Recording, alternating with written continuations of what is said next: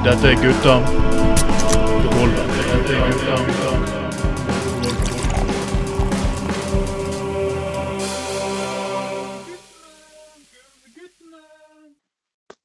Velkommen, folkens. Da er det i gang igjen. Gutta på gulvet nummer 18.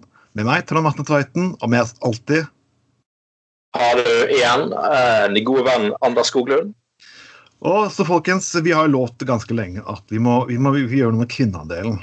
Vi, vi sjekket en statistikk, så viste vi at det er 90% menn og 10% kvinner som lyttet til oss. Og det, det, er- det er dårlig.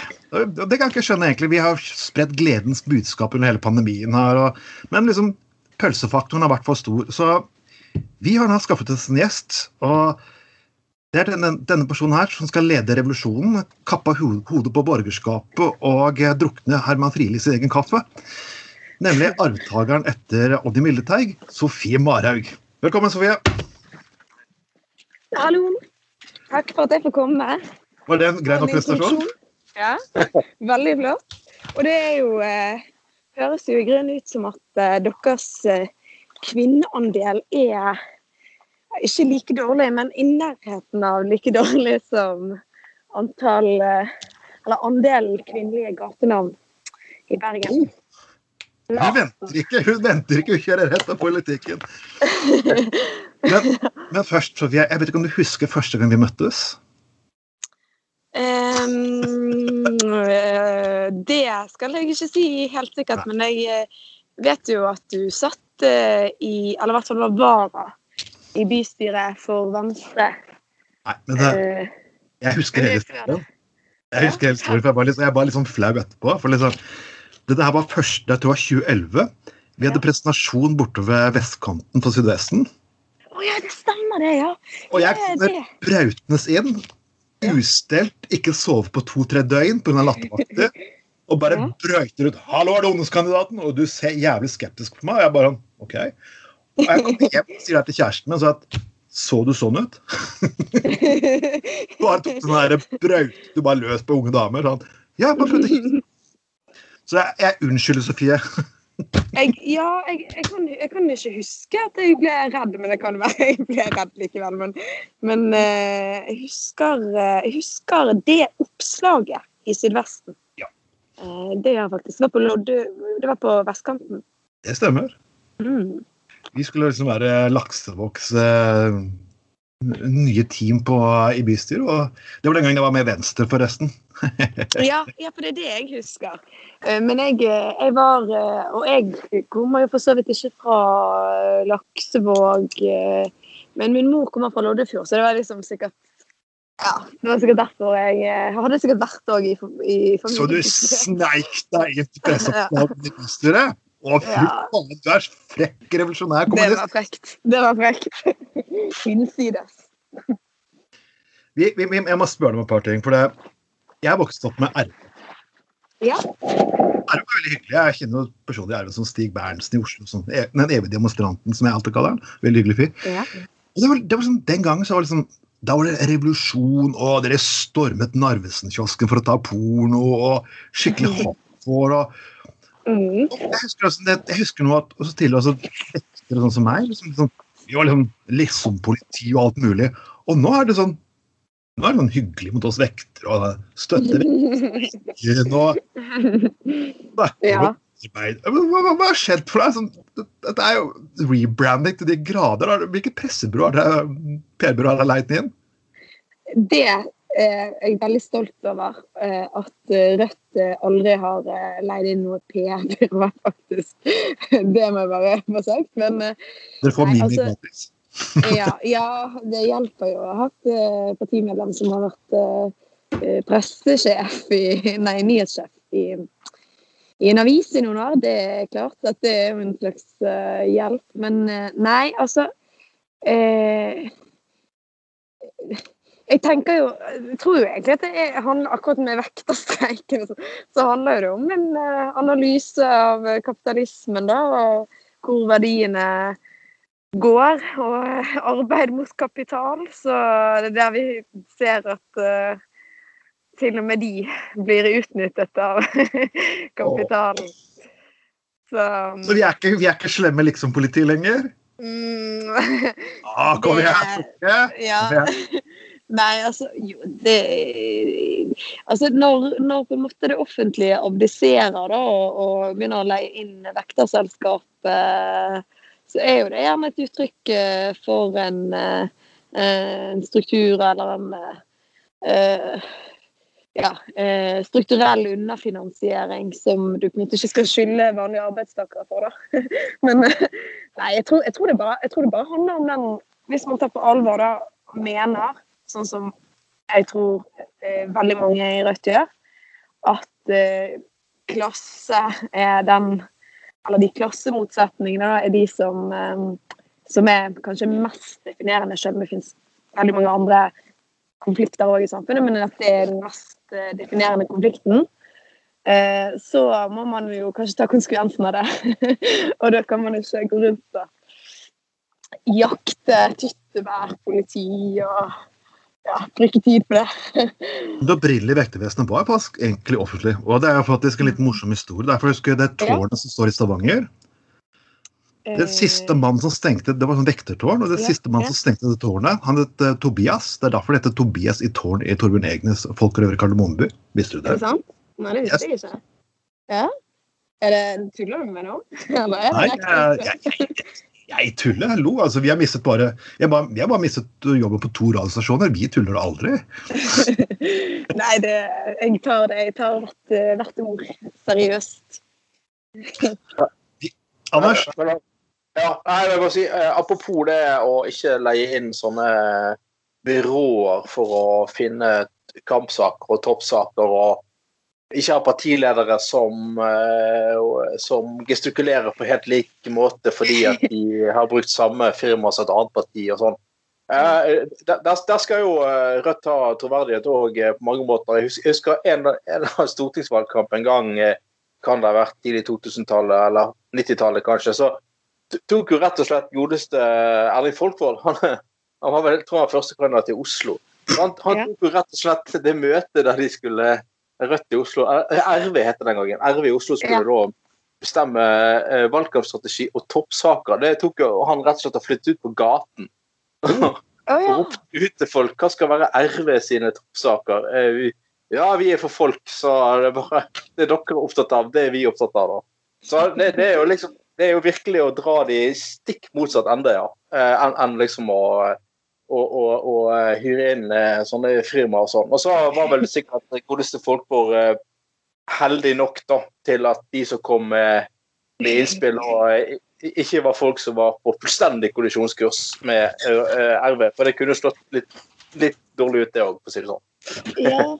Han sto kanskje ikke på Frogner og ropte Nei, han har valgt en veldig strategisk bra sted ute på østkanten et sted. Ja. Nei, men det er jo veldig sånn uh, gatas parlament Uh, Ja. eh, Ta det på, på ordet, da. Jeg, jeg, husker, jeg husker Rødt Det var ungdom. Dette her var Vi hadde, vi, vi hadde leir husker jeg, Unge Venstre, sommerleir ved siden av de, på Håvøya borte på, i Arendal. Det var 97. Ja. Mm. Og da, Det er noen militær eksersis, og vi, vi, vi fikk ikke lov til å gå gjennom leirområdet deres. Og de hadde nazivakter i skogen. Det var liksom vi bare What? Og det var den hasj... Det var sånn hippie hasjrøykende Unge Venstre. Vi, vi var liksom ikke noe å være redd for, skulle jeg tro. da, men eh, Hvordan er, hvordan er det nå? Nei, vet du hva, det er Jeg har eh, Sist jeg var på sånn sommerleir med Rød Ungdom, det var i 2010. Ja. Eh, for vi pleide å Mens jeg var med i Rød Ungdom, så pleide vi å være på Utøya. Så jeg skulle der i 2011 òg, men eh, da var jeg på eh, faktisk en sånn tale- og debattskoleringsleir litt utenfor Oslo 22. juli. Da. Så da ja, da skjønte vi at vi ikke kom til å reise tilbake der med det første. Og jeg har ikke vært på Rød Ungdom sommerleir siden, men jeg skal igjen i sommer. Eh, På Utøya. Så det gruer meg egentlig litt til, altså. Jeg synes, eh, Mm. Ja. Det, så det er liksom Men nei, Rød Ungdom sine sommerleirer er- har vært veldig fredelig eh, i min tid. Veldig uskyldige på en måte, da, fordi det er jo alkoholfritt og det er masse sånn feministisk Ja, ja, ja. Og masse sånn feministisk eh, sånn selvforsvarskurs og bøllekurs og Veldig politisk korrekt, faktisk. Sånn som jeg husker det, da. Eh, Så det var veldig sånn safe space, nesten, kan du si. Men um, da, vi hadde jo våre krangler og, og sånne diskusjoner. Det hadde vi. Men det var eh, veldig idyllisk. Fikk min første kjæreste. Min første kjæreste traff jeg på Utøya. 2007. Ja, Så det er ba- bare sånn idyll for meg, det der. ja. Jeg ble skjenket første dagen jeg kom på sommer. Så husker jeg var da Her er, her er, her er whisky. Og så hadde jeg en seng oppe i andre etasje mens han festen var nedenfor. Det husker jeg. Det var, det var mange. Så vi kom med litt andre kulturer, ja. ja. Ja, jeg var med på Unge Verses uh, sommerleir en gang, og da, eh, da kom jeg ung og uskyldig og hadde vel ikke nesten knapt smakt alkohol den gangen. Og første jeg ble dratt med på, det var en sånn eh, eh, drikkelek mellom to eh, fylkeslag. Eh, og siden jeg var fra det ene fylkeslaget, så måtte alle være med. Ja, det, var, det var sånn Tequila i, i, i, vår tid utrolig ukorrekt. eh, litt ukorrekt og heldigvis, egentlig, vil jeg si. Men uh, Ja, litt sånn mm. Jeg får bare sp- oppfølgingsspørsmål der. Eh, det er ikke sånn nå lenger. Er det Nei. Nei, nei, nei, nei, nei, det, det, nei. Vet du hva, det, det til og med til og med, Nå er det jo kjempemange år siden jeg var på mine siste, innom på mine siste sommerleir i Unge Venstre. Men i hvert fall, når jeg, de siste gangene under så var det et helt annet regime, for all del. Så eh, det, det Nei da, nei da, for all del. eh, Det er nok ikke er nok langt ifra, langt ifra sånn lenger. Det er heldigvis. Jeg kan huske hvorfor den kulturen altså Jeg kommer fra en sånn liten eh, postindustriell drittby på, på Østlandet som heter Skien. Uh, sikkert som du har hørt om. Det eneste kjente som kommer derfra, er Ibsen. Han flyttet da fra han var 13 år. Så når vi kom så vi, Det er sant! Men vi kommer liksom da Om vi først kom på en sommerleir inn i en politisk kultur, fikk lov til å reise til Oslo og fikk lov til å være på alt det moro, så var det å åpne fuckings ny verden for oss. Så liksom, men jeg må jo tilstå den, den ukulturen som blei ut av dette på sikt, den er jeg glad man har kvittet seg med i dag. Ja, men fordi at uh, uh, Det er jo altså, Hvis jeg hadde vært forelder, da, så vet ikke om jeg hadde liksom sendt barna mine på uh, sånn drikkeleir, da. Men det skal sies, ja. Jeg, nå har jeg framstilt dette veldig sånn positivt og, og idyllisk, men det pleier jo alltid å være en, en etterfest. Fordi vi hadde jo vedtekter mot eh, rusbruk og alkohol. Eh, men det pleide jo alltid å være en, en fest etterpå i Oslo. Eh, Der kommer han, ja! Der kommer han! ja, ja. Det, det, det, dette hadde jeg uh, i grunnen jeg skal ikke si at jeg trengte det, men uh, ja, det, det skal sies. Og jeg tror Jeg er glad i rusmidler, dere òg. Ja, men, eh, men det, det, så det er den der eh, altså, Fordi den eh, maoistiske tradisjonen som, eh, som RV som til dels springer ut fra, den i Norge, da, den har jo òg vært litt sånn religiøs og pietistisk eh, på noen måter. Ja, det, en del av de i AKP var jo avholds. Uh, og, og kom fra eh, ja, mer sånn Eller foreldrene kom kanskje fra sånn kristne miljøer og sånn. da. Som jeg tror er litt sånn eh, unikt, eller ja, litt unikt for norsk venstreside. Eh, fordi i mange andre land så er ikke venstresiden så eh, negativ til rus som Nei. den har vært i Norge, da, historisk. Og det har jo det har jo mange forklaringer, det, og det Ja. Eh, så dette, det henger liksom litt igjen. Altså, nå har jo det kanskje fått ny vår etter eh, metoo, fordi rus nettopp kan jo òg være en sånn eh, eh, ja, Bidra til at grenser flyter litt ut og sånn. På en negativ måte. Men, eh, men det var veldig gøy med de etterfestene, da. Det var det. Det, ja, og, ja, vi, ja det, og det kan jeg selvfølgelig for, men det, veldig pietisme, hva har endret seg nå? For liksom, igjen, det RV som jeg husker, og det dagens Ja. Rødt, er, er ganske forskjellige ting. Altså, Er det kommunister, eller er det sosialister? Hva vil du si? Er? Altså, eh, jeg vil jo si at Rødt rommer veldig mye forskjellig. Liksom fra folk som sikkert eh, ville sagt at de er anarkister, sant? til kommunister, til sosialister, til sosialdemokrater òg, for den del. Oi, oi. Eh, ja, så ille har det blitt. Så Nei, ille. men Nei da. Men eh, altså, fordi at eh, Fordi vi har jo gått fra å være 2000 medlemmer til å ha over 10 000 medlemmer. Og det er jo egentlig den største forandringen, eh, tenker jeg. Eh, sånn at vi er jo bare veldig mange flere, med veldig mange flere og ulike meninger. Eh, og det er jo egentlig, eh, vil jeg si, eh, bare bare positivt. Men det er òg selvfølgelig eh, mye forskjellig. Mye mer forskjellig enn før. Så Ja, men det, det er jo så artig ut, eller hva, Anders? Det det er jo det Venstre har beskyldt for sin tid, var ikke det? Hva, hva sa du? Og, Man alt så mange forskjellige meninger. Eh, ja, det, det er fort gjort. Uh, og, eh, men det, det er viktig da å ikke bli uh, så uenig at til slutt så kan landsmøtet få plass i en telefonkiosk. Så ble, så ble ah, Ja, altså Tanke på at Venstre sin tid sprakk pga. EU-saken, og Ja. det to partier som til slutt ble ett parti igjen. og ting. Så det, nei, det, er, det er absolutt eh, utfordrende med et parti som skal eh, romme eh, veldig mye. Og eh, folk med forskjellige forutsetninger og, og forskjellige meninger og forskjellig sånn, sånn og sånn. Så, men jeg føler jo på en måte eh, Hva skal jeg si At eh, det er forskjell fra eh, SV, da. Så jeg føler jeg kanskje at Rødt er et litt mer autoritært parti. Nå må ikke du, må ikke du mistolke meg her. Altså, Nei, nei, nei, jeg skal, jeg skal, jeg skal høre hele resonnementet. Nei, jo, altså jeg bare mener at det, det kan, eh, Mitt inntrykk i hvert fall, da. eh, Altså, Mm. dette er jo en tese. At liksom at eh, Mm. eh, Venstre og SV har tradisjons, tradisjonelt sett vært sånne studieringpartier.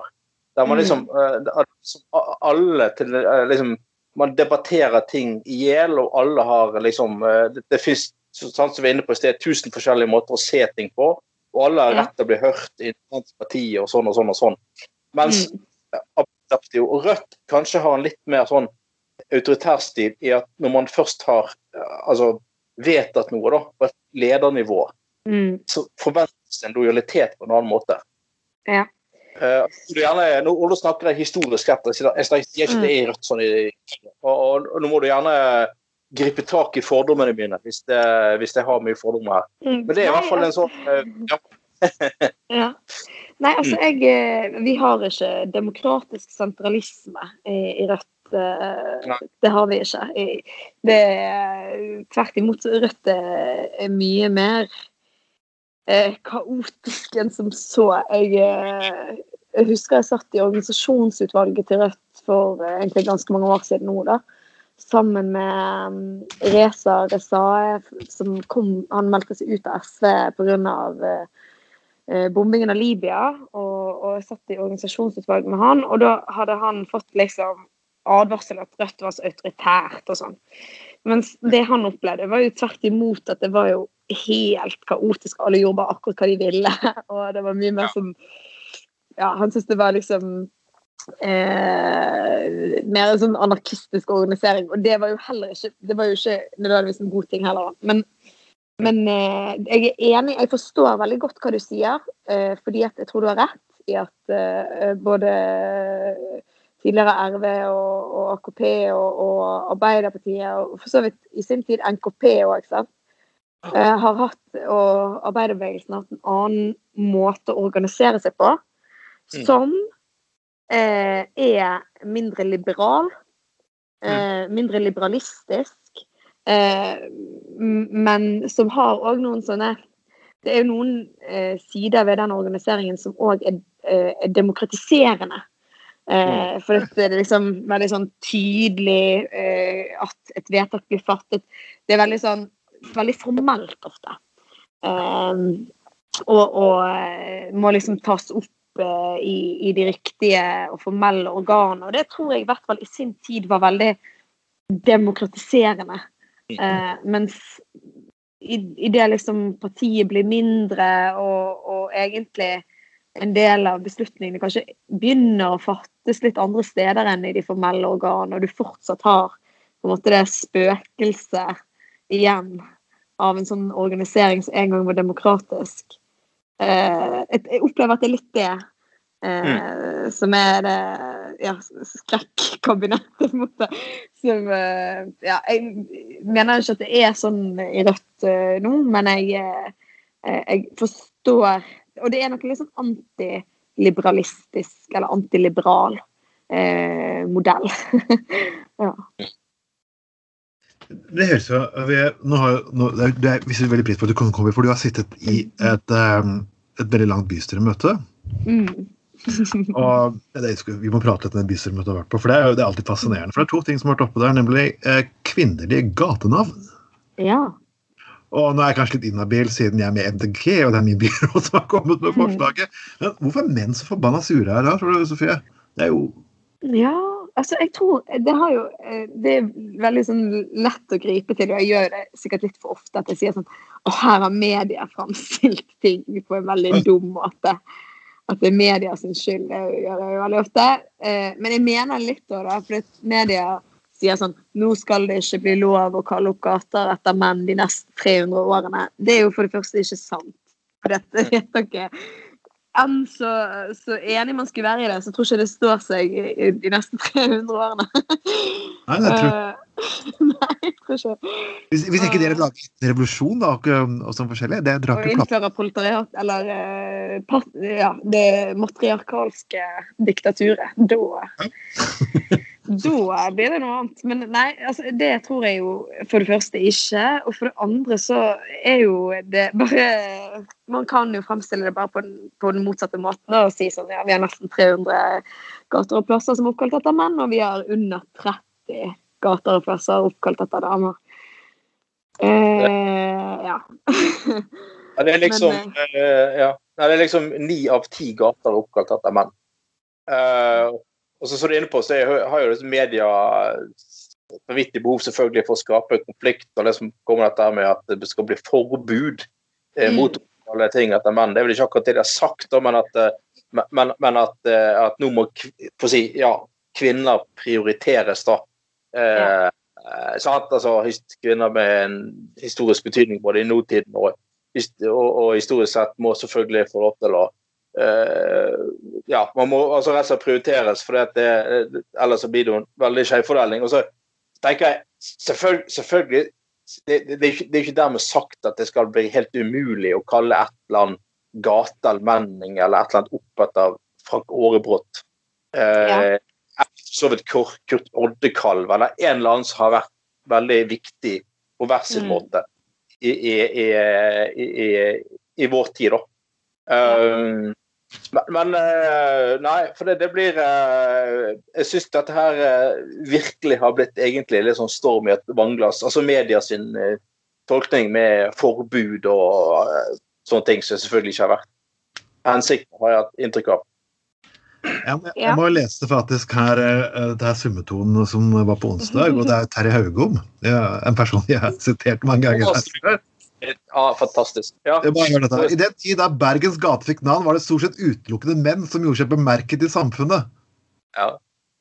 Nei, han er jo Jeg vet ikke Han er jo Nei, hvis du leser historiebøker, så er ikke det sant. Men ja. Ja, nei, altså han, Nå må vi gjøre dette her i likestillingens ånd. Med lys og lykte er nå jakten i gang for å finne bergenskvinner som kan måle seg med Emilie Skram, Madame Felle og Camilla Collett. Du trenger ikke å lete lenge for å finne verdige Tror du det, Sofie? Nei. Nei, for det er det som egentlig jeg synes er, er det jeg opplever, og dette har jeg erfart eh, på smertelig vis, at det er mye lett lettere å få til sånne eh, Få sånne identitetspolitiske gjennomslag hvis du er litt konkret og kommer med en eller annen liksom folkeskjær dame eller eh, minoritet eller hva det skulle være. For da, blir alle positive, og de som, som kanskje kunne liksom reagert når de ser sånn forbud mot menn. hvis, hvis jeg sier sånn, å, jeg syns vi skal kalle opp dette etter Tor Borg Nedås, så blir alle veldig sånn Ja, hun er så bra. sant? Fordi at Med en gang du bare liksom nevner de damene og gjør de til en del av bevisstheten til folk, så, så, så er ikke det så vanskelig å overbevise folk. Men det er jo det motsatte av det som, som har skjedd nå. Men jeg, et lite hjertesukk der er jo at jeg syns faktisk det er litt rart, fordi av og til syns jeg det er litt lett for menn å få steder oppkalt etter seg, mens hvis du er dame, så kan du liksom ha overlevd Auschwitz, skrevet ti romaner, eh, fått eh, professor i fysikk og liksom Har du eksempler på menn som ikke fortjener det? Ja. Det har okay, kom, kom, kom, kom, jeg. Vel, ja. Nei, altså, det, jeg vet at det er liksom uh, Dette må ikke dette må ikke refereres i sosiale medier, dette får være til trofaste lyttere. Men jeg syns ikke Frank Aarebrot fortjener en gate i Bergen. Han er en folkeskjær og uh, veldig underholdende Bare en veldig folkeskjær og underholdende uh, professor. Uh, mm. men, men, det er faktisk ikke sikkert at det, kommer, det, minnet kommer til å, å være like sterkt i eh, ettertid som det var i samtiden. Og det eh, handler litt om, om, hva slags type produksjon han sto for. Som kanskje var mer egentlig sånn muntlig, samtidig eh, litt sånn humoristisk. Eh, og all ære til han, liksom. Men jeg bare, det er ikke sikkert. altså Det kan godt hende at det er en del kvinnelige professorer mm. Eh, som kommer før i rekken, i hvert fall. da så det, men det er veldig Det høres utrolig fælt å si, særlig rett etter noen har gått bort og eh, liksom Ja. Jeg bare Jeg vet ikke om det egentlig kommer til å stå seg, da. Hvis man skal eh, være litt streng. og ha litt få gatenavn. Men det, dette merket jeg nå ble helt stille. Det var ikke så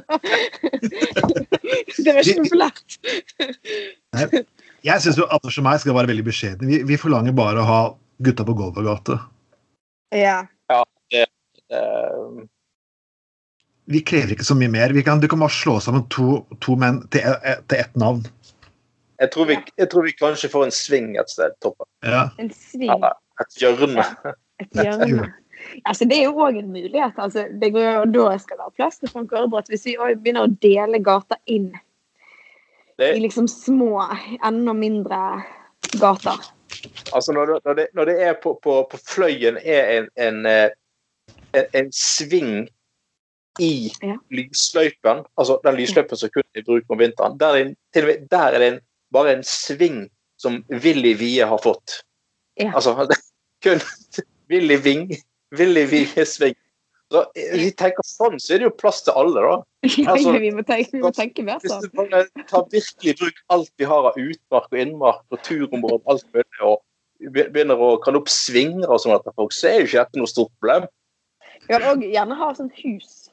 Ja. Ja, ja, ja. Eh, ja Kalmar. Kalmarhuset er jo et hus, men det er sånn at vi kan ha flere sånne hus. Som, eh, men det som òg er faktisk litt interessant med det, for det er det forsket på, da, dette er jo egentlig en trist, en trist sak, det er at eh, den eh, forskjellen mellom gater og plasser som er oppkalt etter menn versus damer, den er ikke bare kvantitativ, den er òg kvalitativ. Mm. Eh, sånn at damer får ofte litt sånn mindre gater, litt usentralt plassert. Oppkalt etter seg. Men vi kan godt begynne å gjøre det med menn. Det kan jo være en løsning på problemet. Ja, så ville vi måtte nøye seg med en sving. sant? Ja, ja. Kanskje flere menn må gjøre det. Nøye seg med, med mindre ting ja, fremtiden. Så får man bedre plass til kvinner. Ja, altså I større byrom, da. Ja. Vi, vi kunne gjort egentlig bare kalt et offentlig toalett etter menn, så det er sånn greit nok. Pissoarer. Ja, sånn Skoglund-pissoaret, liksom, eller eh, eh, Tveitens handikap-toalett. Jeg vet ikke, altså etter at annet ja. Vil du foreslå det i bystyret, Sofie? um, ja, det er jo Det hadde jo så satt fyr på debatten. Fra Rødt, på vegne av podkasten Gutta på Kolve vi vil legge fram Og så syns jeg jo egentlig fra to menn, avdanka 40-åringer som har blitt sparket fra to radiostasjoner. i dette uh, Ja, det er sånn hevn på Venstre i bystyret. Nei, men det er jo en sånn uh, interessant uh, sak, det òg. Jeg syns jo òg at man kanskje bør vente litt og oppkalle ting etter folk har gått bort og sånn. For det er jo, det er jo en, eh, minneskultur òg, det der. Uh, og det er derfor jeg, jeg, mener, jeg vet ikke om jeg mener det jeg sa om Frank Aarebrot, men jeg mener bare at kanskje vi skal vente litt. Ja. Uh, ja. Så dere må, dere må, det ligger lenger fram i tid at dere skal få ting oppkalt etter dere òg. Ja, jeg, syns- ja. Det er veldig godt poeng. Og, ja, godt poeng. Og, og altså, det du er inne på, da, at eh, man, altså, selvfølgelig også må over tid se altså Aarebrots forskning, da, sant? At, at det må være med i det store bildet. Eh, og så sier hans betydning eh, i, og, og, og, både historisk og i nåtid og alt det der må liksom sant? Jeg er enig med deg. Du har et veldig godt poeng der, egentlig. At det, det liksom å oppkalle gater eller ting etter folk i kort tid etter de har gått bort, blir jo helt enig i at det, det kan fort bli ganske feil, egentlig. Ja. Eh, med all respekt for eh, Ja. De det eventuelt er, er, er, er snakk om, da. Og så er det jo kanskje det så du er inne på, Jeg skal ikke snakke stygt om de som har gått bort, men det, ja, kanskje det altså, Nå gjør det, Anders. Kom igjen. Nei, men altså, det, det, det, det, det er litt det, det er debatten òg, sant. At Aarebrot var jo en veldig høy stemme, bokstavelig talt. Mm. Altså, jo, jo. Altså, og, og mente uh, by og mangt og fikk plass i enhver debatt han hev seg på, uavhengig av hva debatten Ja, Ja. alltid sånn. Og så, kan, så er det jo interessant å se ok, se på hans forskning eh, versus en beskjeden kvinnelig forsker. Sant? Hvem sin forskning har egentlig vært mest betydningsfull? Så det, det er jo et poeng. Jeg syns jo det, altså. Og, og eh, som sagt, det kan godt være det er helt riktig å oppkalle noe etter eh, Frank Aarbot men jeg er helt enig med deg at vi må ha is i magen og ja, vente en stund. Jeg sliter litt med å kalle opp navnet bare folk fordi de har vært medievennlig. Det er litt Ja. jeg sliter med det. For liksom, jeg, altså jeg, jeg møtte Frank flere ganger, og han var en jævla hyggelig fyr. Jeg hadde en god øl med ham. Han, han, han inkluderte mange mennesker i debattene. Men Ja. jeg, kan sitte litt sånn sjenerte både kvinner og menn på universitetet som gjør viktig forskning. Ja, ja, ja. Viktige ting for samfunnet. og Som også det- beveger samfunnet i riktig retning. Men på grunn av at de er så stille og beskjedne og tilbakeholdne, så, ja, så er det ikke Ja. verdt gate, kan du si. det. Og så skal det selvfølgelig sies, som du er inne på det, at eh, for all del eh, Frank Aarebrot skal ha mye skryt og respekt og ære for at han på mange måter òg alminneliggjorde Mm. eh, universitetet sitt. Sant? Altså, altså, han- hvem som helst kunne gå bort til eh, Frank Aarebrot gikk over til åremelding og stille han spørsmål et eller annet, og han brukte en halvtime på dem. Mm. Altså, det, det er jo, det er jo, sant? Han var jo alltid ekstremt tilgjengelig for alle, og selv om ikke TV-kameraene var der.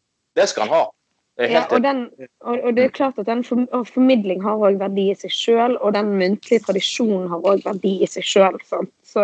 Og det prøver jo òg Det er egentlig en finere måte å hedre, han, hedre hans minne på. Å ha den Mm. Frank Aarebrot, eller den Aarbrot-forelesningen som universitetet har, som skal vare lenger, og som skal være muntlig formidling, som er i hans ånd.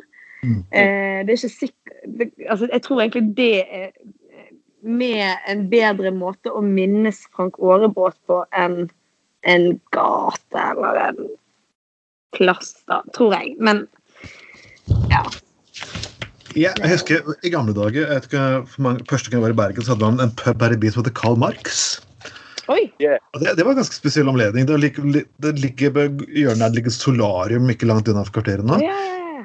Og der han- de kom inn dit, det var helt fascinerende. og Der lå det friheten på bordene. og, og der, Du kunne oppleve ofte at en, en trosjkenist eller stalinist eller leninist begynte å krangle slåss ved bordene. Det var- det er fascinerende skue faktisk for en ung mann å sitte og se de greiene her.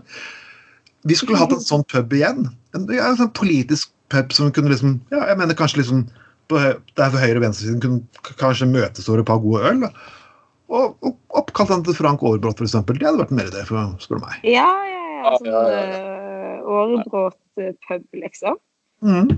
Ja. Karl, Karl Max var et fantastisk eh, sted. Jeg husker det godt. Jeg, men det, det var vel mest jeg, Jeg, jeg så aldri noe høye folk som turde å gå inn der, altså. De prøvde- Det var Ja, Ja, men det var, nei, det var liksom sentrum venstre som holdt til der, da. Altså, det var, det var akseptabelt. Det var et sted for venstresiden, men det, var, det, var, det ble akseptert at vi fra sentrumspartiene kunne gå inn og gå ut, gå ut igjen med helsen i behold, da.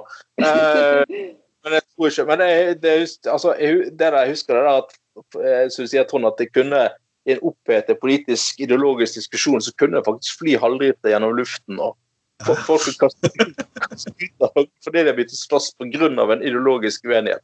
Altså, det, det, er jo, det, er jo, det er jo et fantastisk tidsvitne. Eh, helst var rasende festlig. ja, det var kjempegøy. Det var den gangen venstrefolk hadde mål om å gå på mest mulig obskure jævlig puber på alle mulige tidspunkt på dagen, så ja, den, denne her skjønner jeg at jeg har gått glipp av noe stort. Ja, det var eh, Ja.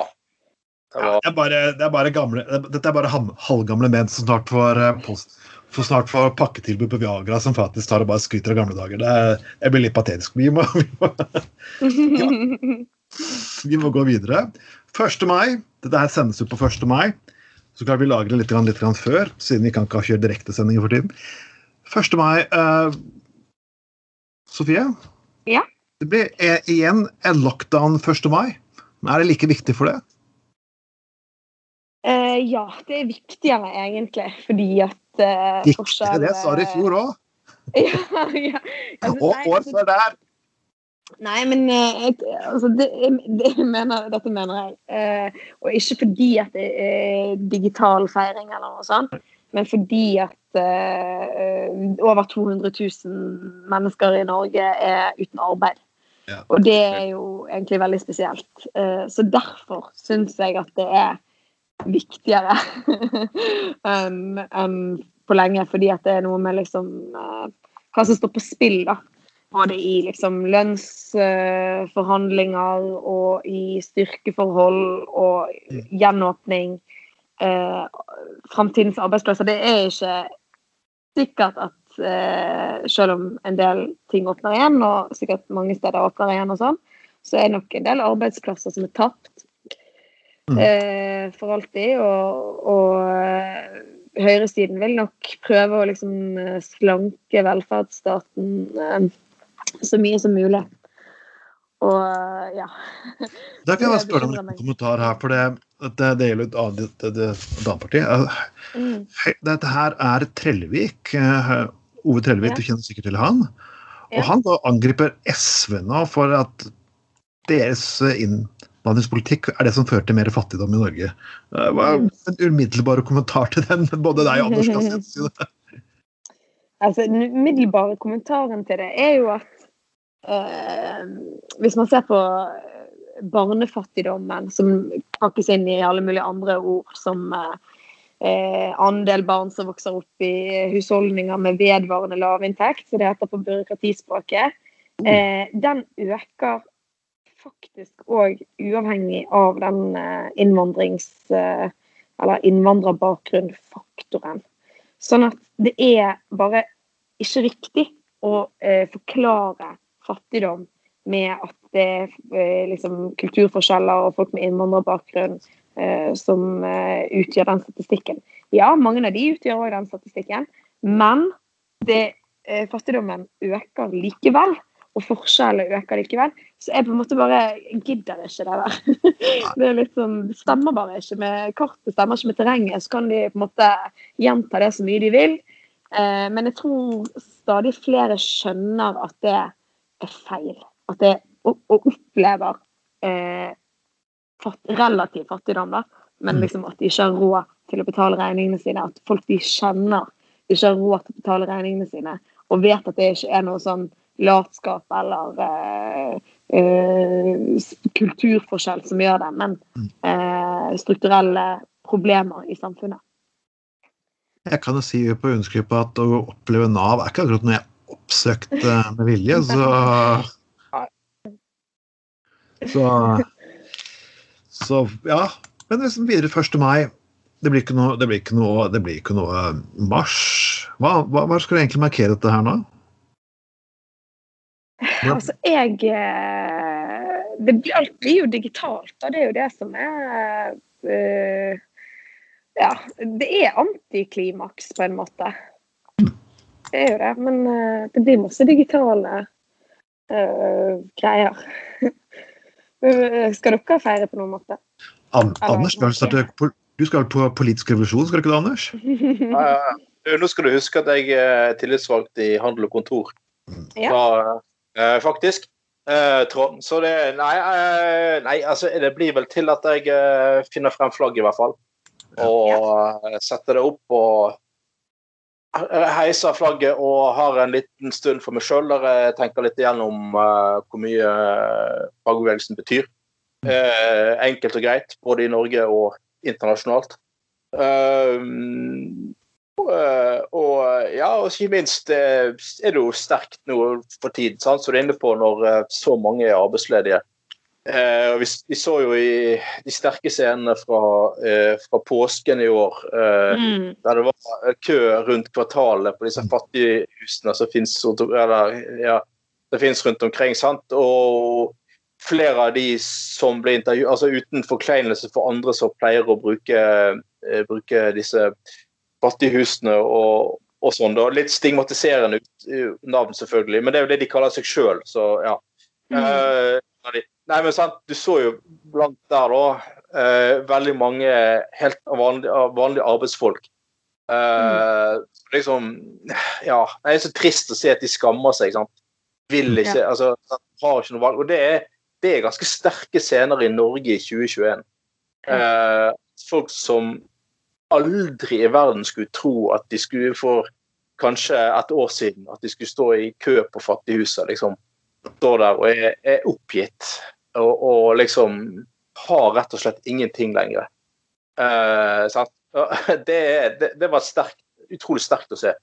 Uh, det syns jeg er en viktig viktig uh, huske på i år. altså at ja, masse arbeidsledigheten vi har. og jeg- jeg tror også at hvis det ikke, Hadde det ikke vært for at um, fagforeningene er så sterke som de er i Norge, og ikke minst at folk er organiserte, så Ja. tror jeg ikke de der hjelpepakkene hadde vært like gode.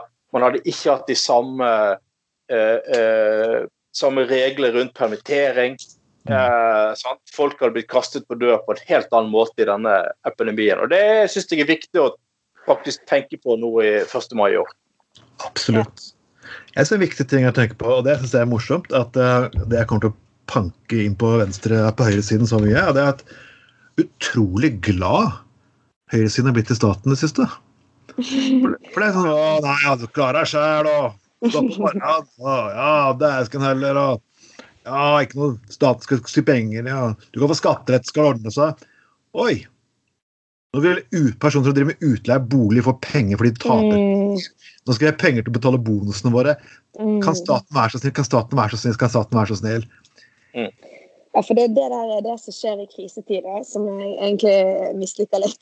Det er det som Martin Luther King jr. kalte for eh, sosialisme for de rikeste og hjerteløs Ja. kapitalisme for de fattigste. For det er litt det, det er liksom Høyre det er Høyre i krisetider. Det er sånn, og nå må vi komme med noen krisepakker. Ingen, ingen utbytteforbud eller ingen, ingen Mm. krav til de aller største bedriftene til altså kaste penger etter, nærmest, uh, til eh, huseiere som virkelig ikke liksom er, er kriserammet på den måten som, som en del andre næringer, da. Vi skal ha Eh. statsstøtter for å opprettholde markedsprisen. Det er fantastisk logikk. Ja, ja. Samtidig som de som, Det har, de gjort egentlig før krisen òg. Kuttet i feriepenger for Mm. de som går på dagpenger. og uh, Kuttet i arbeidsavklaringspenger. Uh, og ja, altså Det er jo en saga blott, det der. Men det liksom, du får se denne og for ikke å snakke om liksom alle, alle som når de skal søke Nav nå når, eh, når folk med arbeidsledige og sånn, uh, hvor mye rot og styr det var. Mens de bedriftene, da var det veldig viktig at pengene liksom kom med en gang, og ingen krav og ingen altså, Bedriftene de skulle fått gått på Nav. Ja, de skulle det. Se kom jævlig det er. Jeg bare kjenner jeg blir kommunist, jeg. Faen dere. Ja, Sofie. Bra. Det er meningen. Ja. Nei, men jeg, jeg, jeg, jeg har følt at eh, det som jeg har vært jeg var uheldigvis havna på Nav et par ganger. Det er litt uheldig at det jeg opplever at hver gang visse grupper av samfunnet blir arbeidsledige, da snakker, da snakker man om Da må vi ordne opp i Nav. Da må vi gjøre det mer gunstig. Da må man, da må man gjøre det mer digitalt. Da må man gjøre det lettere og greiere og pakker og tjohei og lignende. Mm. Jeg mener Ja, ja. Hvis menneskene går ut av Nav igjen, hvor mye, vi tar, hvor mye fleksible vil de være på de menneskene som ikke er på den øverste delen av skalaen, som ikke er akademikere, som ikke er høyt oppover i systemet? Mm. Det lurer jeg på. For de kommer til å bli hengende igjen. Mm. Det er tror jeg, noe vi alle burde fokusere på. Høyre, venstre eller sentrum, eller hva faen jeg kaller det egentlig. Ja. Partiet sentrum. Ja. Nei, Som jeg- men eh, Kommer til å få en kort opplevelse, men eh, ok. Nei, altså, jeg, jeg eh, håper, altså, håper og jeg tror òg det, fordi du ser at folk har blitt mer opptatt av ulikhet og sånn, eh, som politisk eh, tema. Og det jeg håper eh, denne krisen kanskje kan jo liksom bidra til at folk får litt mer sånn tro på fellesskapsløsninger. Flere har meldt seg inn i fagforening. Og jeg tror jo òg at eh, det kan få folk til å eh, til å skjønne at eh, sånn som, som ja, at Når folk går på Nav, så er ikke det på gøy. Det er fordi at de enten ikke får eller kan jobbe som regel. Ja. Eh, det alltid, alltid finnes det jo unntak, da. Men det er jo det samme høyresiden sier når vi skal stille krav til eh, bedrifter og sånn. Så er det sånn Nei, men vi, ja, men vi må bare ta utgangspunkt i at de ikke har tenkt å lure systemet. Eh, ja, det eh, kan man jo ha som en tanke, men hvorfor skal det bare gjelde oppover og ikke nedover? Helt korrekt. Huh. Vi, er jo- skikkelig sånn politisk eh, Ja, ja, her. det- det- jeg, er jo Beklager hvis jeg tar bort uh, den useriøse, lekne stemningen. Vi, vi, skal faktisk få den tilbake nå, for dette her er en sånn morsom sak jeg fant. Uh, og hvis jeg bare den der for helvetes Yes! Dette her var et, eh, Det her var litt jeg, det, jeg elsker å lese summetonen. Jeg, jeg, Ja. er Terje Haugen som jeg leste fra i stad, var jo selvfølgelig summetonen. Der kom jo ikke på trykket noe annet seriøst uh, saker, egentlig. Ja, ja. Og jeg vet ikke om du har vært oppe på Nordnes og sett disse små Jo. grønne rundingene der? Jo, eh, den saken eh, Jeg lurer på om Odd Arild visste Eller kanskje du delte Det var noen som delte den på Jeg så, jeg så den saken. Det er sånne ting som jeg ville finne på å dele, det vet jeg. Så. Ja. det kan hende at det var det. Det var sikkert det, da. men, eh, ja, men jeg er så hisset seg oppover lekeapparatene. Det var sånne små grønne rundinger som jeg mente så ut som en hipster. Så ut som grønne sverd, to grønne runde grønne toaletter som ingen kunne sitte på. Hva, hva føler du for det? Men det er jo, det er jo flott. Det- Ja, saken er nydelig. Det, det er altså en Møllprisbeboer som sier at han, han eh, tok seg en tur ut på Nordnes. Eh, og han får, altså, han, får jo, han får jo det høres ut som en dagsreise, liksom. reiser du? sekken tok på skiene! ja, Det er på tre dager! fantastisk. rundt. Ja, så liksom og så har han da øh, Og jeg er ikke så lenge sist jeg var på Nordnes, og, og påstår at det området der bydelen har fått hipsteroverdose. Det, det, er- det kan ikke helt kjenne meg si at jeg kjenner meg jeg helt igjen i, men han mener altså at eh, Nordnes har fått eh, grunn av sånne tre grønne ringer eh, i en av disse gatene ute, ute på Nordnes. Pga. På grunn av tre som så han mener det ser sånn hipsteraktig ut. Og så er han selvfølgelig veldig viktig med å, å, å, å bemerke at ja, for på Møhlenpris, der har vi skikkelige benker. Eh, svidd i metall og Ja, ja, ja. Veldig viktig å si liksom at det liksom, ja, Møhlenpris det er sånn besteborgerlig sted, men Nordnes, der flyter det, og det er hipster over huset. Fordi at han har sett tre sånne grønne ringer. Det er jo fantastisk. Ja, altså, det er en kreativ kobling. Eller en kreativ Ja. tankeprosess. Ja, Ja, ja, ja. For jeg syns jo eh, personlig, da, hvis man skal gå inn i denne logikken Så, så er, er ikke Møhlenpris litt sånn hipstrete, det òg, da? Jeg vil jo si at det er en av de mer hipster bydelsområdene som finnes i hele Bergen. på en måte. Så, ja, Jeg på plasjeen hvor du har et, eh, og- Ja. ja, altså, Nordnes vil jeg jo si er hakket mer eh, borgerlig satt. Uh, enn Møhlenpris er jo virkelig hipsterstedet i Bergen, vil jeg påstå. Uh, ja, så, så, så, så Altså, men altså, når det høres ut som han, eh, han eh, brukte en dagsreise på å gå ut på Nordnes, så har han sikkert ikke vært så mye ute av døren de siste årene. da. Kan det, kan det, kan det virke. Han har jo for øvrig òg skrevet under med bare helt vanlig Møhlpris beboer. Helt vanlig. Helt vanlig. Fantastisk. Jeg liker bedre Jeg jeg er alltid morsom der, når en helt vanlig mann. Mann i gata, eller sånn Terje Haugom. Samfunnsdebattant. Livets harde skole. Det er bare sånne fantastiske titler som er ute og går. Ja. Er nydelig. Hva, hva skriver dere? Har dere noensinne sendt inn noe til summetonen sjøl? Så klart jeg gjør det hele tiden. Jeg bare. Hallo! Hva skriver du under med da? Nei, Jeg vet ikke. Trond Vatne Tveiten eh, fra Skien, bare for pur faen. Ja. Det er Ja. Jeg prøver å finne måter å irritere folk på, men jeg klarer det ganske greit, egentlig. Jeg bare pleier å skrive under med, jeg skal bare under med pensjonisten. Mm. Var sånn Å, folk må lære seg å sykle på riktig side av gaten. Ja. Benkene står feil vei, de står ikke solvendt og sånn. Det er meg, da. Pensjonist. Nei, altså Det er mange titler, men det er, det er morsomt. Summeton var jo noe mest fascinerende. Jeg tror jeg skal unne en professor i biologi en gang, men uh... Oi. Ja, det Altså, det er ikke faktasjekk. Det er ikke sånn eh, faktisk.no. Bruker ikke tid på summetonen, tror jeg. Nei, jeg tror ikke jeg heller, gitt. Men, Men ja, her, nei. En teori til Nå skal jeg ikke masse mer om summetonen. Den siste ting om summetonen. Er ikke egentlig summetonen litt sånn Twitter for gamle, eller litt, eller litt annen generasjon? Det er sånn, du, Ja, ja. se- du ser noe, og så reagerer du. Yes. Og så Den- skriver du noe litt halvt. Det er der en viss skribent faktisk som pleier å skrive i BA på lørdagen, egentlig burde få, fått sine ting presentert. Eh, Ja. Langt færre ord enn han faktisk gjør i dagens uh, lørdags-BA. Og hvem er det de snakker om, folkens? Erling Gjelsvik. Det kan være det, ja. Ja, ja, ja. ja. Der er jeg ikke Der er jeg eh, er såpass uh, trofast BA-leser at uh, ja. Den Han kjenner man igjen.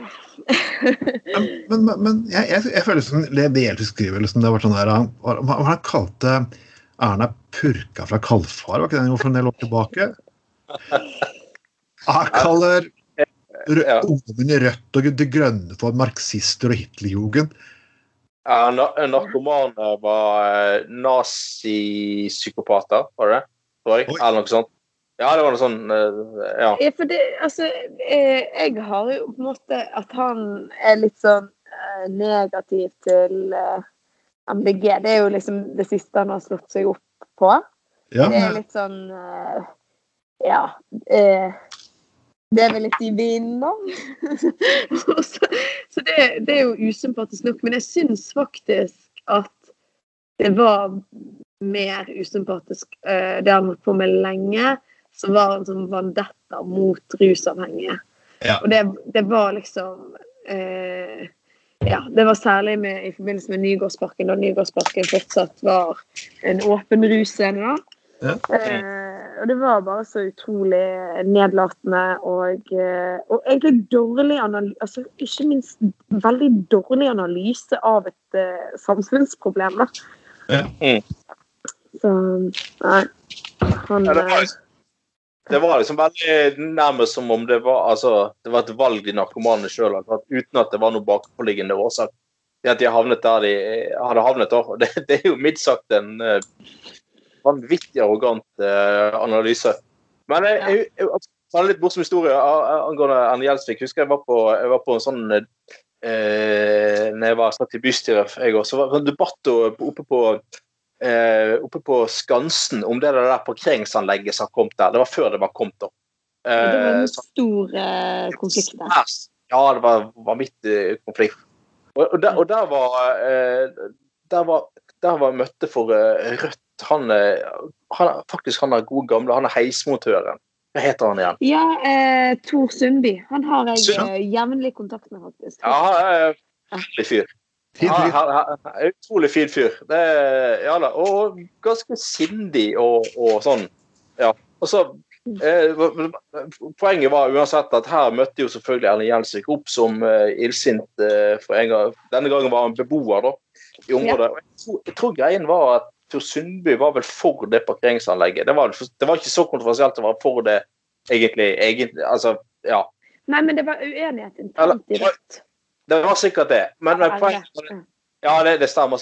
Det stemmer nok. Det var vel at Tor Sundby sa et eller annet med at han, han sa og ryddig nok til å si at han, han, hans privat, eller han mente at det var riktig å bygge det anlegget. Men, men jeg tror han faktisk var ryddig nok til å opplyse om at det var uenighet. og sånn da. Ja, ja, Og ja. da, Han er veldig vanskelig. Ja da, ja da. Og, og liksom for, for, for, grunn- grunn av dette så løper eller Gjelsvik bort, så tar han mikrofonen til Tor Sundby, så begynner han å skrike. Det er den jævla klassesviker! Ditt feite svin! Du har feitet deg opp på borgerskapets matretter. På grunn Ja, av at han for parkeringsanlegget. det?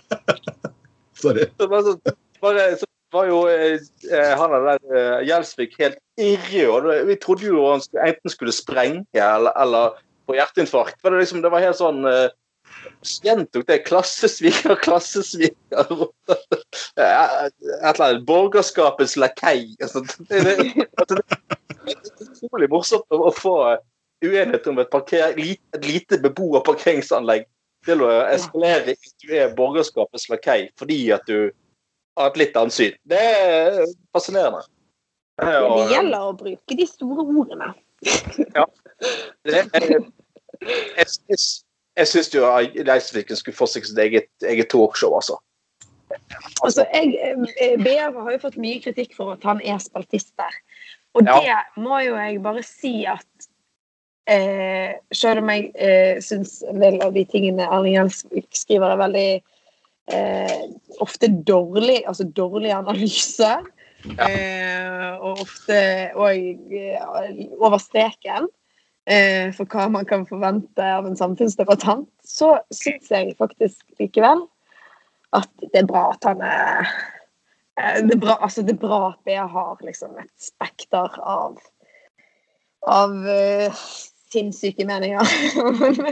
Men eh, det er jo det er min mening om det, da. Men eh, jeg vet jo at, eh, at det er mange som, og særlig BT, ønsker jo, mener at, at han ikke bør skrive, være spaltist i BA. Altså, jeg, jeg, jeg, jeg, jeg, har ikke noe mot meningen hans. Jeg, bare- jeg syns det er ganske idiotisk når du faktisk hisser opp eh, når, du, når, jeg, når jeg har vært på MDG-landsmøter. og Du må gjerne mislike MDG så mye du vil, men når vi hadde, skal man nødt til å ha vektere faktisk for å ta på, passe på at folk ikke blir angrepet. Ja, ja, ja. Og, Og altså, det jo hisse den biten med å si at da, da brukes disse er nazier, disse er svikere. Mm. Da er du med å hisse opp feil folk. Det er da det ikke lenger å være uenig, da er det å hisse opp folk til å begå handlinger som er feil. Og vi vet hvordan det har gått tidligere. Ja, og det, og det liksom eh, og det, og det, Han kunne jo òg benyttet sjansen til å liksom si unnskyld da han fikk, eh, ble konfrontert med det. Og det ville egentlig vært liksom en veldig sånn voksen ting. Altså Han kunne sagt at han var enig, eller liksom sto for veldig mye av kritikken, men bare kanskje akkurat det Hitlerjugend-greiene, trekke det tilbake, liksom. Det fatter ikke og begriper at en voksen eh, samfunnsdebattant ikke, ikke skjønner, da, faktisk. ja, det, det, som, det som liksom er nedrig og med, med Gjelsvik, er jo at han sparker nedover. Ofte. For eksempel det med narkomane. altså Sparker ned på gruppen. som ligger nede eh, og sånne ting. Og det syns jeg er bedritent. Helt enig i det. Men eh, litt enig i at altså, det er jo på en måte sunt for ytringsfriheten og demokratiet at du har en sånn fullstendig alternativ stemme. Eh, samfunnsdebatten. Som, som, og det som liksom fordel til oss er uenige med han ofte, da. Mm. Han, han får frem en så pervers utgave. Det er kanskje mange mener. At det er så Mm. utrolig lett å imøtekomme det med gode Mm. er Ofte så klarer man å snu debatten igjen, vekk fra det han mener. Fordi at det er så vulgært. Mm. Og, og, og jeg tror mange som kan, kanskje, kanskje er litt medløpere med han, kanskje snur igjen fordi at han han får så mye eh, eh, Altså, han, han blir møtt av egentlig ofte saklige motargumenter, da. Mm. Eh, ja, fordi, ja, fordi at han rett og slett er drøy og vulgær i eh, Ja. Jeg vil jo si at Josefine Gjerde som svarte på Mm. denne artikkelen, her, hun gjorde faktisk en ganske god jobb med å gjøre det. Mitt innlegg som var i. Hæ? Hun ble jo spaltist av å gjøre det. Ja, hun ble spaltist og tusen Så jeg, så jeg håper Gjelsvik bare kjører på enda hardere, så ender jeg opp som fast baltist i BA og, ikke lenger trenger å være på, på jobb. Jeg er et talkshow det skulle ha hatt. Altså, bare sånn eh, hadde jo, Det hadde jo vært eh, Altså, det hadde jo vært underholdning, da. Kanskje jeg er litt, eh, er litt useriøs nå, men det hadde jo, det, jeg syns det hadde vært eh, liksom. Det hadde jo vært litt morsomt. Ja, talkshow. Altså, ja, det kunne vært eh, Han kunne hatt sånn ukens eh, klassesviker, for eksempel. Kunne vært en fast spalte. Eh, ukens eh, sånn eh, I dag sparker vi nedover. ja, det kan være egentlig grunnmuren i, i showet. Det er, jo- Mange muligheter. og det er jo det nydelige at Gjelsvik og veldig mange journalister som er så veldig harde på denne gruppe mennesker i samfunnet Bare sånn lite tips til dere. Jeg jobber i. Jeg ser dere. Så Gjelsvik! Jeg håper du går på oppfører deg fint der på byen når du kommer opp, og at du ikke blir full. og at du... Nei, jeg skal være snill. Jeg, jeg, jeg er diskusjon, men pass på Jeg syns det er litt patetisk å se mennesker som er stygge i media, og stygge på Mm. nettet når mennesker nedover, oppfører seg ikke sånn like greit på byen bestandig heller. Så dere Ja, prøv å tenke litt om. Alle kan ha en dårlig dag. Men det er så snill. Og det finnes mange former for rus. Ja. og Ja. rusmisbruk. Det er jo òg en Uten, uten å antyde noe om noen. Eh, bare Det er jo òg eh, lovlige rusmidler som kan, kan få fram eh, det verste i folk. Det vil jeg si. Folk som drikker alkohol Jeg, jeg, jeg har vært vekter i 15 år. Uh, Mhm. Jeg må si det at De folk som har drukket alkohol, de er de verste. Det er mest problemer med folk som driver alkohol. Og ja, det har vært noen problemer med noen narkomane også, Mm. men ikke i nærheten så mange mennesker som drikker alkohol. Og det er ikke tull engang. Nei. Det er nok Og- et større samfunnsproblem. Ja, altså Det er Alkohol dreper faktisk mer mennesker enn den pandemien her. Uh, Mm. Aids og mange sykdommer til sammen hvert bidige år. Altså, dette er statistikk fra fra 2018 sist. Og Mm. man bør ta det på alvor, altså. Mm. Du, du, nå, ble, nå ble vi Nå ble Så er det sånn der- sånn Ja. tre av politikere Du skal på Stortinget, Sofie. Det er eh, målsetningen. Da får du fet lønn. For Da får kjempefet lønn. Hæ? Ikke i Rødt. Jeg har signert en folkevalgt erklæring, ja da. Som eh, eh, Altså, vi eh, Stortingslønnen for en Rødt-politiker ligger på rundt 6G, og da har ikke lov å egentlig Eller da ja, skal ikke tjene mer enn det. Så da går Ja. de pengene til partiet. Men det skal sies eh, at det er jo fortsatt mye bedre lønn enn jeg noensinne har hatt. Det er det ene. Og det andre er at eh, det er òg dessuten Man får jo stortingsleilighet og dekket uh, pendling en gang i uken. Så det er jo Man får jo egentlig utrolig mye mer enn bare den lønnen. Uh, så det er jo uh, kjempeluksuriøst, egentlig. Det kan du Eh. invitere oss, meg, meg Anders, da, på Gutta på gulvet live fra din fuckings stortingsleilighet. Hadde ikke det vært kult? Jo, det, det er et valgløfte. De kryper oppover i verden. Men bare ikke utart. Det må ikke bli sånn som den eh, stortingsleiligheten til Henning Nei. Warloe. Det er det ene. Altså, jeg har noen grenser, men, men å spille inn podkast er lov i stortingsleilighet. Det må du være lovlig bruk av er. Sist- Ja, det er Ja, ja, ja, ja. Ja, Men jeg har tenkt å pendle, da. Jeg har, jeg har ikke tenkt å flytte. Jeg, altså, det der er jo med alt eh, mulig, alle mulige forbehold om at jeg ikke får dette til, da. Men, men hvis, jeg, hvis jeg får det til, som jeg håper, så er, jeg har jeg ikke lyst å bo i Oslo. Hei, Nei. Sofie, faen heller. Du skal jo overta tronen til Oddi Milleteig og ja. ja. Nei, altså det Ja. Eh, jeg tror det kan være veldig altså Nå har jeg jo holdt på med bergenspolitikk i, i ti år, og eh, det er masse fint å si om det. Eh, men eh, det kan være litt gøy med, med noe annet da. Og så tror jeg det er bra egentlig også å ha det, kjenne bergenspolitikken litt, fordi at det er jo masse saker som er sånn gjengangere i bystyret og sånn. Og jeg vet det er viktig her, som ofte liksom bare forsvinner på Stortinget. Eh, Det vil ikke bli like fargerikt, da, Sofie. Du vil ikke få liksom bompengelisten og nei, nei, nei. Er ikke nei, mennesker som skal sende gratulasjoner til andre land og lignende. Det får du ikke. Nei, nei. Og ingen som, skal, ingen som skal takke Oslo eller bilister eller uh, ingen, ingen som er uh, Hva var det Odne Miljeteig foreslo det for så vidt en gang som Nelson Mandela-gate. Det tror jeg heller ikke blir som forslag på Stortinget. Men, men det er mye rart der òg. Så um, kan du la- gjøre, jobbe for å gjøre det fargerikt. Ja, nei, når, når eh, Erling Folkvold satt på Stortinget, så eh, prøvde han jo å forhindre at uh, Han, han boikottet selvfølgelig den her eh, kongehusets middag til Stortinget, som er en gang i året, eller hva er det for noe. Uh, han, deltok jo selvfølgelig på det da. uh, men- det, det han jo gjorde istedenfor, da, var at han, han inviterte altså, politikere fra partier som eh, skulle på den, eh, konge, den middagen på kongehuset. Han inviterte de på vorspiel. Så Ja. prøvde han å få i dem så mye vodka at de ikke klarte å gå på den. eh, Rett og slett ikke klarte å seg av.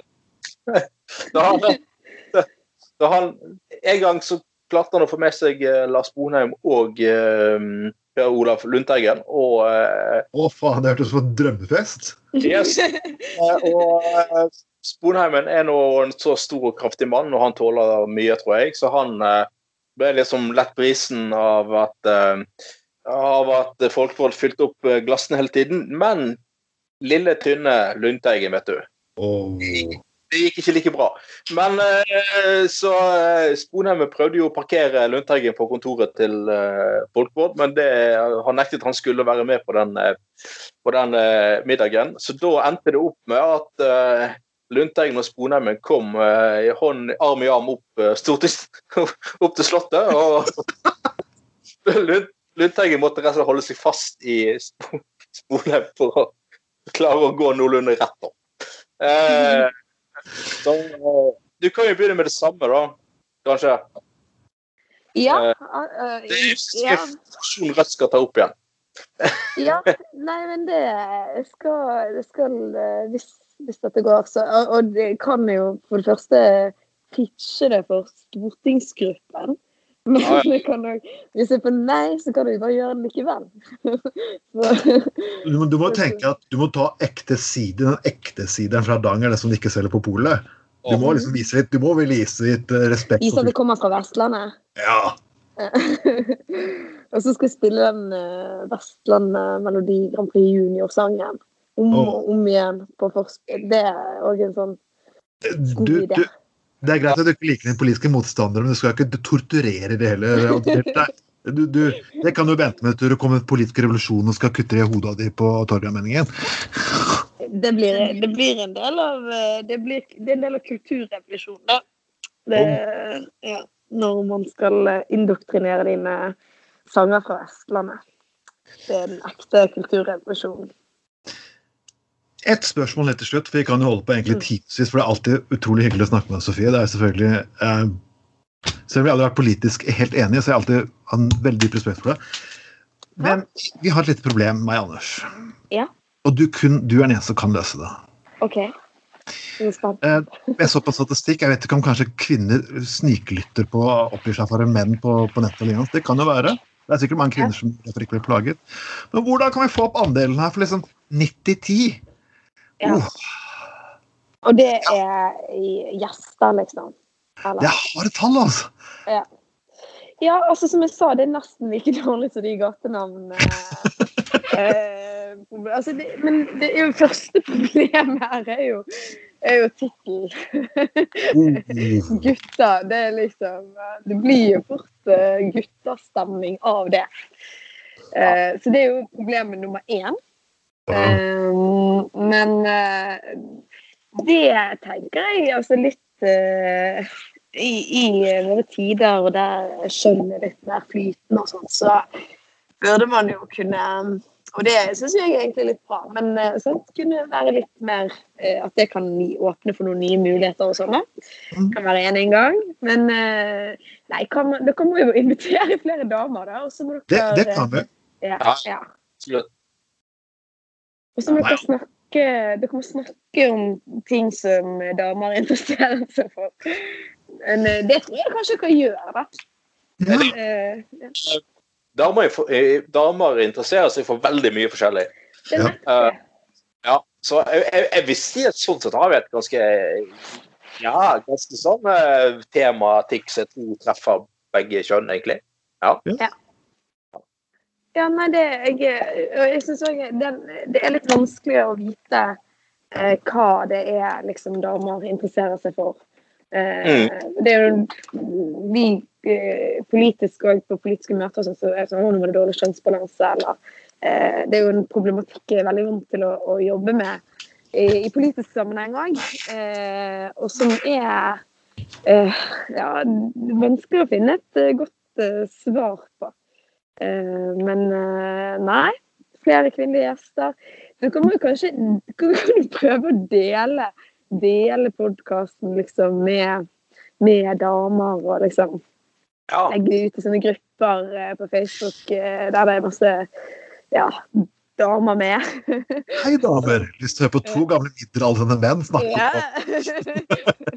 om Kommentere det kanskje. Fått en av disse her eh, store bloggerne til å Ja. Det hadde jo vært litt, eh, litt Ja, det hadde kanskje funket. Ja. ja. Men vi vet jo det at Rødt har mange gode kvinnelige politikere, så det er jo dere er hjertelig velkommen. Ja. ja. Nei, men eh, jeg syns at eh, Ja, jeg syns at eh, det skulle, På en måte sant, så er det òg eh, Dere er jo bare to stykker. og så på en ja, skal ikke ta på seg all verdens eh, eh, urettferdighet på sine skuldre. Men litt. Litt, litt urettferdighet på skuldrene. Mm. Det, vi nærmer oss slutten, og jeg vil virkelig takke Sofie at du har kommet. Uh, at, Ja. du, at du turte å komme inn i Løvens hule og bli med meg og Anders uh, på gangen.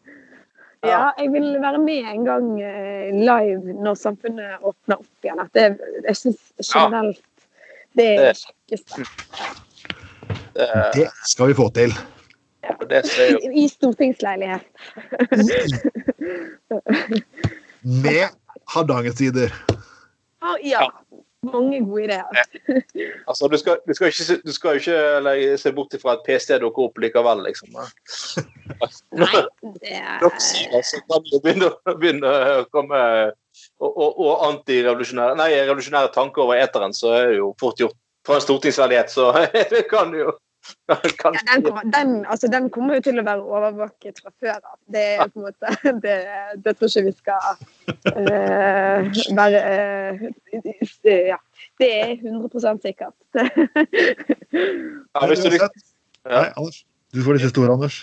ja, hvis du skrur ned eh, Titter bak ventilatoren på på stortingsleiligheten, I stortingsleiligheten så er det bare Oi, der var en ledning og en mikrofon. Hm. Ja. Eh, kanskje det ikke er bare å se på film, kanskje det er sånn i virkeligheten. Det I våre dager til og med. Så, ja. Ja, ja. Dette har vært Gutta på gulvet sending nummer 18. Eh, Meg, Trond Matten Tveiten, som alltid. Og min vakker Anders Skoglund. Og vår kjære gjest Sofie Marhaug. Du har lytta til en spre Gutta på gulvet. Og frem på CD til alle kvinner du ønsker, og send posten til kundedagen. Ha det bra. Ha det bra.